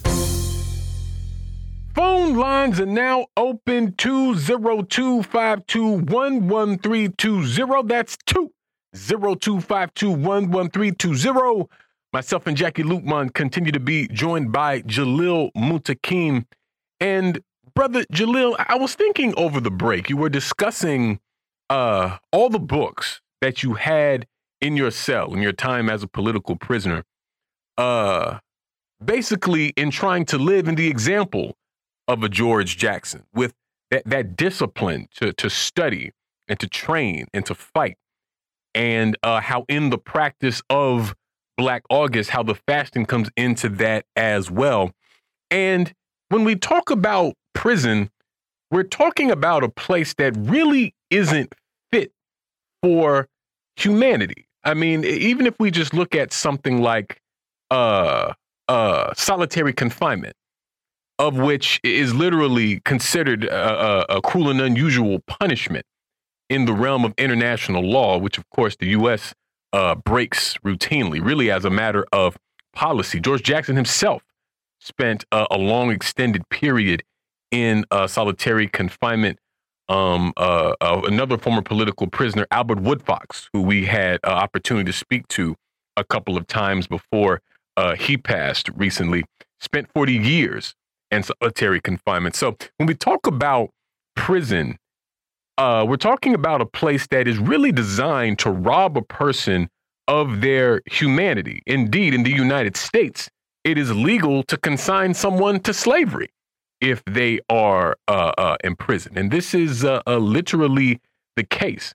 And you discussed sort of the uh, uh, the adversity, to, to use a word, although it feels insufficient, to describe what was happening in the California prisons that George Jackson and others were describing with the different racist gangs and the racist uh, prison guards and things like that. And so, within that context, Brother Jalil, how does this practice and this discipline, what kind of role does that play in the survival of prisoners in a place that really sort of serve as an example as the, the raw edge of racist and capitalist exploitation?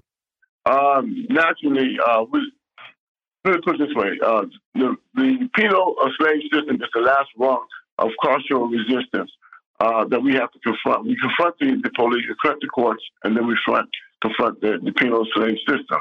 Uh, as many don't know, uh, the 13th Amendment of the United States Constitution ended chattel slavery, but it instituted penal slavery.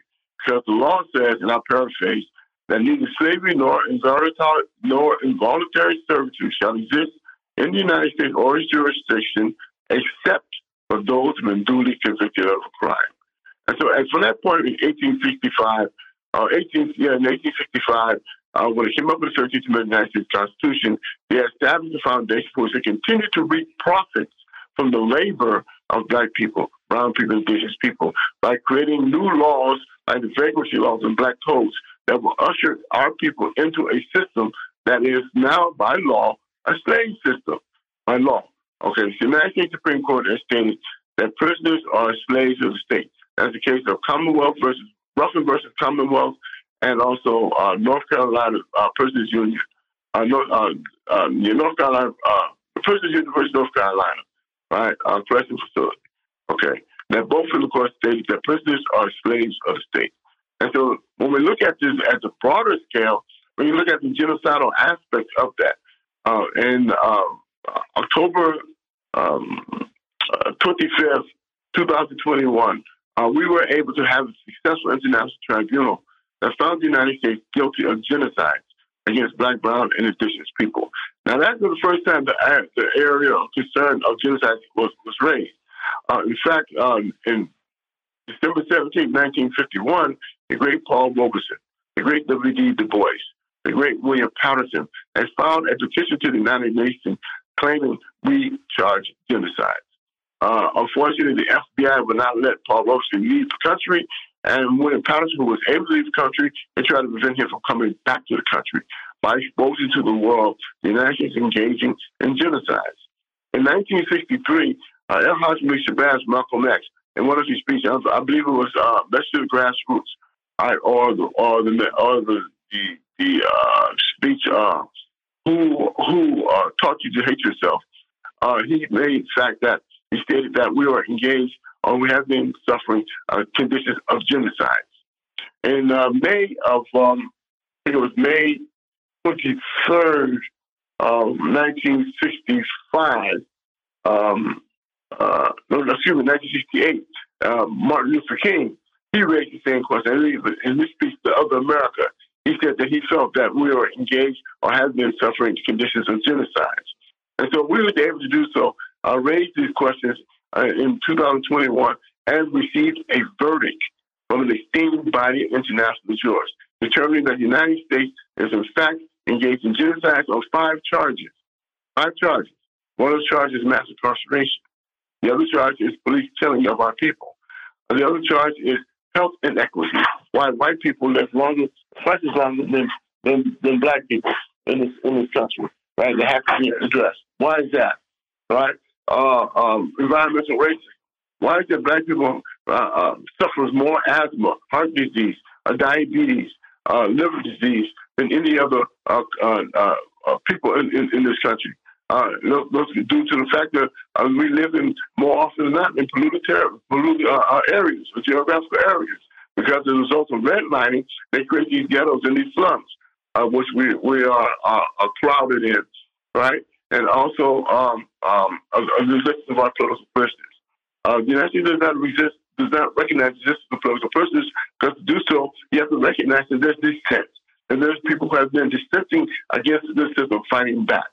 Right, and so those are the five areas of concern. So uh, when we talk about mass incarceration, then we have to talk about uh, why is mass incarceration, and it's incentive board because our people are being sent into a slave system where they are reaping exorbitant profits for pennies on a dollar. Right? And you have to work. You're compelled to work. If you don't work, you're locked in a cell 23 hours a day. Right? So you're compelled to work. It's compulsion. Right? And so there's international law that that defies uh, the forced labor. Right? And and uh, uh, and naturally, as a result of this uh, mass incarceration, uh, our population dwindles.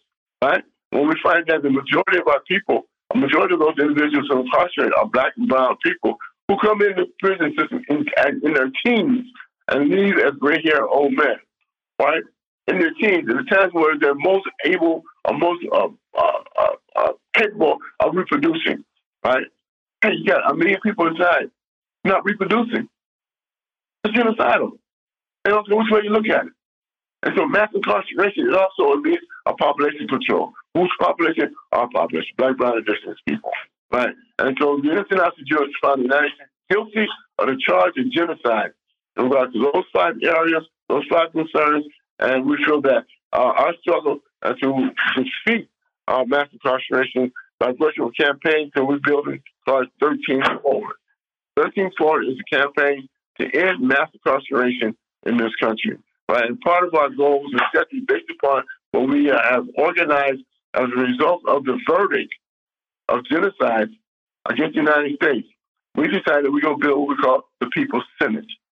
And the People's Senate is the means mechanism for which we began to empower ourselves, organize ourselves for the people and by the people, and not for this corporate, corporate government, for other corporate government or other corporations. And so uh, for us, uh, mass incarceration uh, uh, uh, has to be challenged. And for us, uh, uh, 134, if anyone is interested, go to 13413th4.com or .org and learn about the campaign to end penal slavery across the country. You can also go to spiritofmandela.org slash people senate and learn about the people senate and how we are building a new way of governing ourselves, alternative methods of governing ourselves in this country. Let me make one caveat in regards to that, why that is necessary. The United States is a corporation. All right? Let me make this point, especially for all you listeners. The United States is a corporation. Right? 28 USC 3002 15A states the United States is a federal corporation. So who are we pledging allegiance to? Or who have they had as pledge allegiance to? To a corporation. Right? Now let's keep this keep this thought. Right? The United States in a, in a Supreme Court case about 20 years ago, maybe 20 years ago, called uh, Citizen Action. Excuse me, called uh, Citizens United. And in that case, they stated that corporations are people. I don't know how you get that. I don't know how you come to that conclusion. But for corporations are people by law. So then when you hear a corporate government say by the people and for the people, they're not talking about a flesh and blood human being. Right? They're not. They're talking about other corporations that the Supreme Court has designated to be also people. Right? So therefore, you find, as an example, right, uh, uh, in regards to this issue here of capitalist imperialism and why we need to fight it because of mass incarceration, they exorbitant profit, uh, profits from off our people's labor, right? Keep this in mind. There are 740 billionaires in the United States. 740 billionaires. That's all, right? But they have accumulated wealth of $6.9 trillion. All the wealth of Western Europe, all the wealth of Western Europe is in the hands of 740 people in the United States, right? And in this system of capitalism, we applaud that, right? We are complicit in a system of hoarding wealth. And all religions, I don't care where what religion you're talking about, right? Catholic, uh, uh, Christian, uh, Muslim, uh, Jewish, whatever religion, a Hindu, we know that hoarding wealth is a sin. Right? That's what they teach. Hoarding wealth is a sin. And yet we live and complicit in a system that's based upon the idea of the hoarding of wealth to the detriment of the few hoarding of wealth to the detriment of the many who are starving. Right? And so that's part of the nature of our struggle, engaging to ensure that we have better, equitable distribution of wealth in this country, more equal distribution of wealth in this country. Uh, I, I, and I don't know why I'm going off on this because there's so much needs to be talked about and discussed about our struggle. Uh, and I give you one more example. I live in Rochester.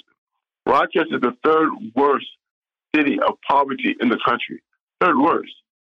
Yet 80% of the people are employed. 80% we don't got full employment. So why is it the third worst in poverty? Because the people are receiving poverty wages. Many are working two or three jobs to make ends meet. Right? Poverty. And so there's a fight going on now because uh, they want to build a new uh, detention center for juveniles. Right? Ray's want to build a new detention center for juveniles. But that's crazy. That's putting the cart before the horse.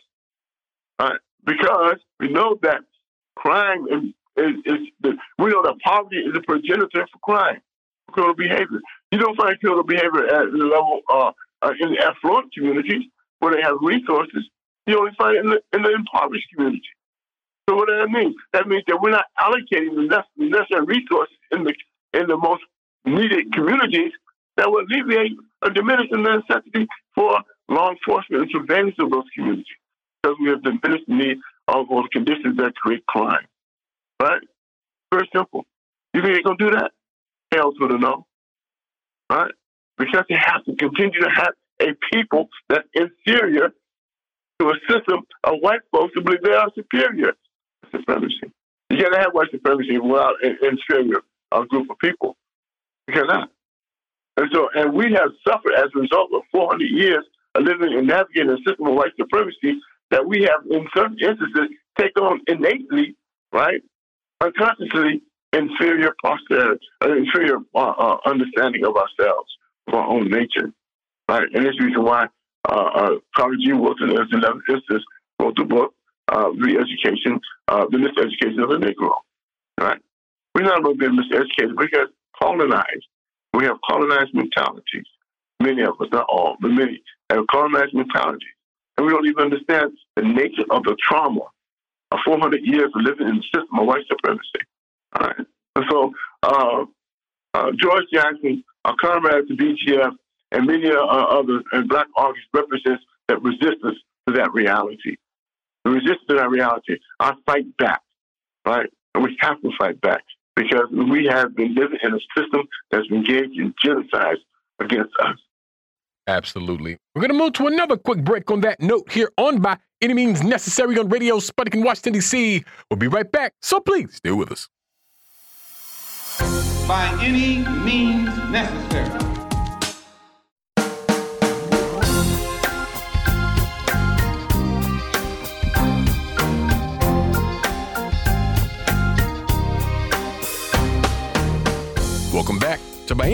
Necessary on Radio Sputnik in Washington, D.C.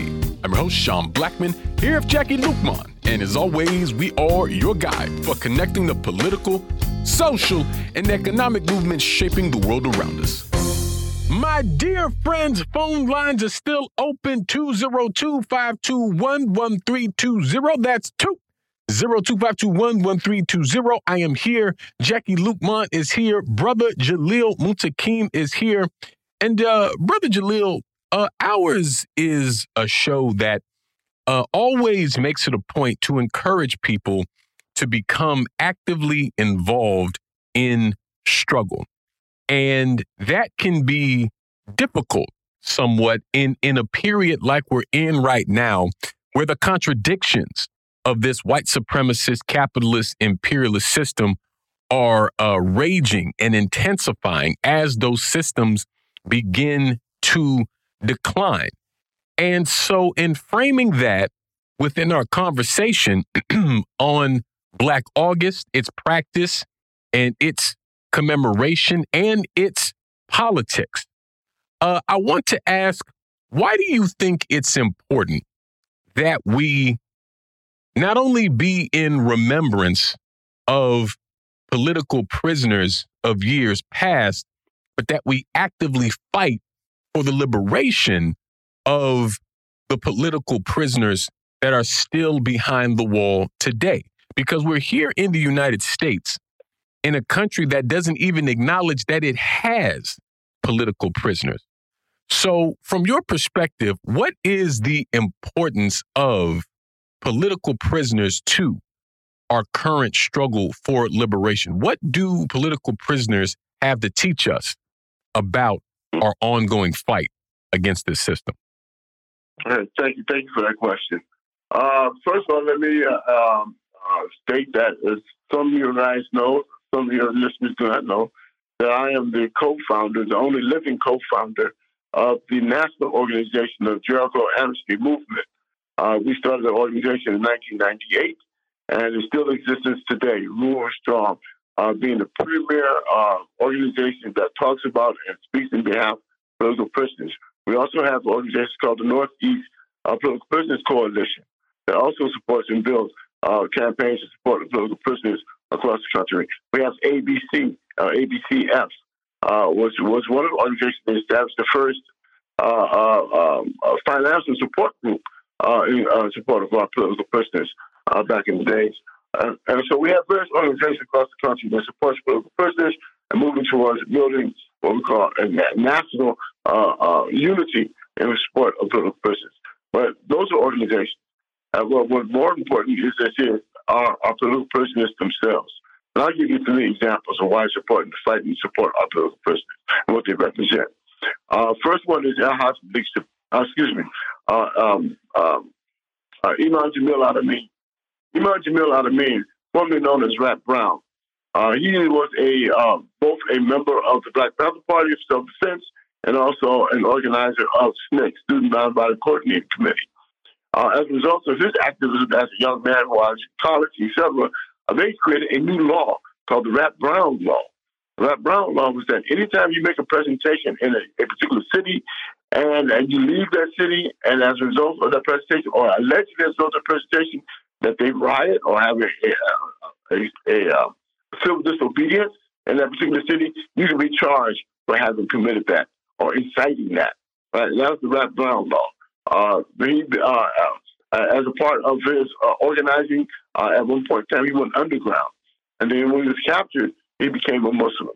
And as also becoming Muslims, uh, he began to really build a, a community of Muslims, particularly in, in Atlanta, after he was released from prison. Now, as he's building this base, um, and I can go a little deeper in what I believe why he was uh, targeted. Uh, uh, having been targeted for most of his organizing years, organizing life, uh, at this point in time, uh, right before the Iraq War, uh, they decided there was a necessity for uh, Imam Jamil al-Amin to be removed from society. he was coming up to be the, there was a coordinating, Islamic coordinating group with the four imams and they used to uh, um, uh, um, uh, for a period of time each take take the, uh, uh, the representative of the national imam of this coalition of uh, organizations. and it was time for Al-Haj Malik Sebastian, excuse me, for Mal, for excuse me, for Imam Jamil to take on that that role, right? And right before they began to to the Iraq, they decided that they're going to pin a police shooting and uh, on on Imam Jamil Al-Amin, knowing that he did not do it. Right? He went underground. It was the chase, and he got captured in, I believe, Mississippi from uh, from uh, Atlanta to Mississippi, and he got convicted of shooting his police. Right? Years later, the actual person who committed the crime on national TV admitted to committing the crime. None of the evidence, none of the evidence in support of that uh, uh that conviction points to Imam Jamil Al-Amin. Uh, all points to, including handprints uh, on, on uh, uh, DNA on the weapons, belong to the guy who confessed. Imam Jamil Al-Amin is in federal prison. Why is he in federal prison? He got convicted in the state court because of the, the, the government's effort to try to suppress his leadership in his capacity to provide understanding of the struggle in which we engaged in. And so he's in prison today, and he needs to be released immediately. He's, he's sickly now, and he's 78 years old, and he needs to, uh, 78, uh, 78 years old, needs to be released from prison immediately. Immediately. We know that he's innocent. Second of all, Veronza Bowers. Veronza Bowers was a member of the Black Liberation Army and went underground. Eventually got captured. Years later, I think two and a half decades later, he got granted release, released for parole. Released for parole. The parole board released him, right? He's on his way out the door, being escorted by the super, escorted by the superintendent of the institution that he was in. And the superintendent received a phone call from Anthony Gonzalez, who was the attorney general at the time, and told the superintendent to not release him. Do not release him. How can they do that? How can do that? Because he's a political person, because he's what he represented in the struggle and for national liberation, independence of black, brown, and these people. That's why. He's a political prisoner. He's in prison today. In prison today. Over 10 years later, after he was granted parole of the word of Anthony Gonzalez, he's not even in office anymore. It's crazy. All right? Another, Leonard Peltier. Leonard Peltier, native uh, uh, indigenous uh, Sioux, Sioux Nation, if I got it right, right? Out, of, out of the Colas, right? And a case called Wounded Knee. and and uh, apparently uh, a federal agent was murdered, was shot and killed. Right? They have no weapon, nothing that pins this case to Leonard Peltier. They know he's innocent, right? But they got to have their their their their uh, uh, their pound of flesh, right, to persecute, right? As you try to make as an example to others, uh, what happens when you resist, right? And I'll give you another example. Right, but it's not necessarily individual political prisoner, but the law is the, or, or the practice of the FBI. FBI in March 28, 1968, 69, uh, uh, came out with, with a, a, proclamation, what they call a letterhead memorandum. And the letterhead memorandum says this. It says that any youth, black youth, that succumbs to the teachings of revolutionary teachings will be dead revolutionaries. That's what it said. Be dead revolutionaries. Right? And they said they would be arrested and prosecuted to the full extent of the law. None of that. Right? That they would be summarily executed. That's what happened to Fred Hampton. Okay, and so we find that conditions that we've engaged in in our struggle is, is multifaceted. Right? That they come at us from all aspects to suppress and to deny our empowerment as a people. And so political prisoners represent that, represent that resistance, right? And it shows to to what extent the government will will make outlandish, right, unfounded uh, statements uh, and, and accusing us of being terrorists, right, or being uh, haters, or being racist, or whatever the case may be, right. To, uh, uh, as COINTELPRO uh, documents indicated, to make us disrespectful or not being respected by other segments of the population because we are resisting. That's the reason why they don't want to, again, recognize the existence of political prisoners. Because to do so, you have to recognize the extent of where there is resistance. Who do they represent? What movement do they come from? What organizations do they come from? You got to look at that history, and that legacy of resistance. And they don't want our people. They don't want the majority of people. They don't want the world to know that there's resistance going on in here in uh, Turtle Island, the original name of this country, is now named, misnamed uh, uh, United States of America. And so for us to build support for political prisoners is essential. And again, I encourage people to go to National Jericho Movement uh, uh um, website, I go to the Northeast uh, Political Prisoners Coalition website, and go to spiritmandela.org website to learn more about the work that we're doing in support of our political prisoners and continuing to resist a system of white supremacy and capitalist imperialism. Brother Jalil, thank you so much for uh, that really rich um, uh, history and reality, grounding us in why we're struggling. But you know, very often we organizers come in contact with people who who feel, who understand that this system uh, in this country is duplicitous, to say the least, is murderous, quite honestly, and it is colluding against the people in so many ways. And honestly, they feel disempowered. A lot of people feel like there's nothing they can do to win against this system. What do you say to those people who feel that they're not good enough to enter into this struggle, but, it, but particularly in in light of people like yourself who have survived uh, uh, incarceration and, and the and the attempt by this system to not just break people's bodies, but to break your spirits, to make you ineffective in the struggle and to make you not want to struggle. What do you say to the rest of us on the outside who are so overwhelmed by this system that we may have already given up because we've been convinced that we're not going to win. Mm-hmm. Well, I, I, think a good start with this go check out the uh, uh, political prisoners. Go check out uh, uh, uh, Ed Poindexter, political prisoners. Go check out uh, uh, many other of our Jojo Bowen, political prisoners. All right? Look at Mumia Abu-Jamal, uh, political prisoner. If you go study our comrades who are inside, you see their resilience. You see their determination. You see their capacity to, to withstand the brunt, the brunt of oppressive racist conditions that the last long of oppression in this country, being the penal slave system. They're surviving. And many instances, they're thriving. Why? Because they continue to believe in the course of our struggle for freedom and national liberation and independence. All right? So if you feel in any way uh, uh, feel some degree of apathy, right? You feel some degree of depression, go check out a closing prisoner. Go see how they're resisting. Go see their resilience. Go see how they're not giving up to, right? If that even is a word. They ain't giving up, right?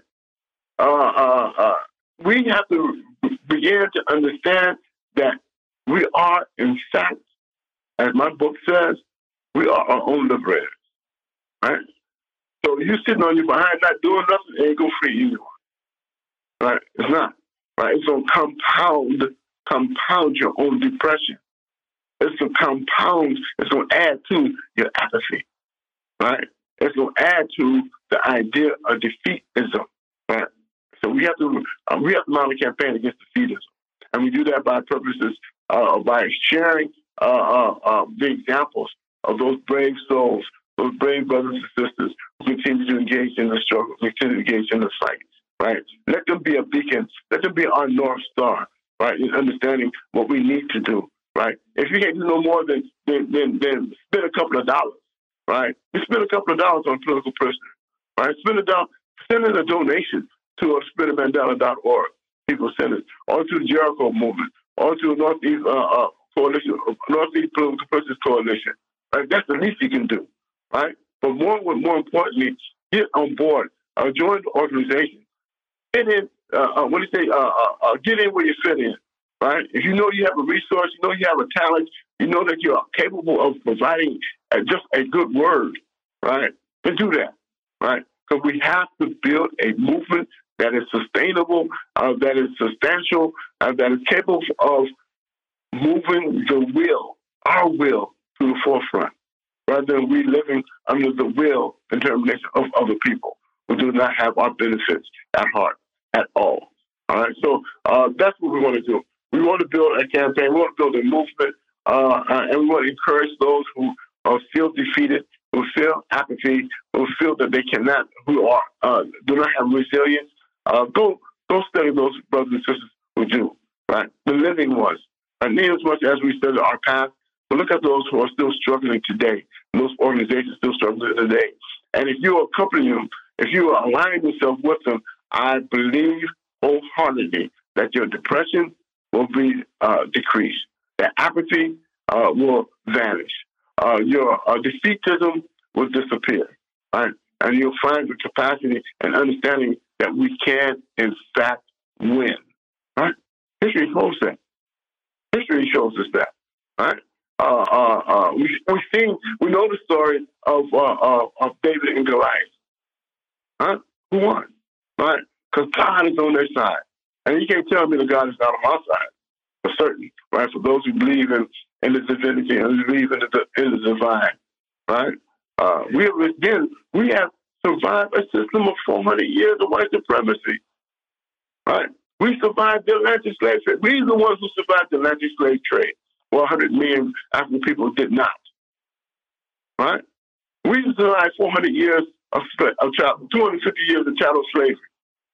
Right? And, and, and now these years of, of Jim Crowism and the efforts to, to, to try to uh, suppress the black vote, our empowerment, right?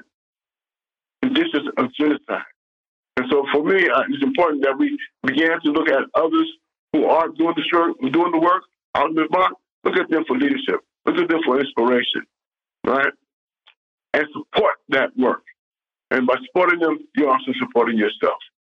Absolutely. And for everyone who hears this today, and you hear that passion and you hear that revolutionary optimism from someone who has been behind the wall and who is now on the other side, we owe it to our political prisoners and owe it to ourselves to carry through this struggle until victory. We'll see you tomorrow on By Any Means Necessary. By any means necessary.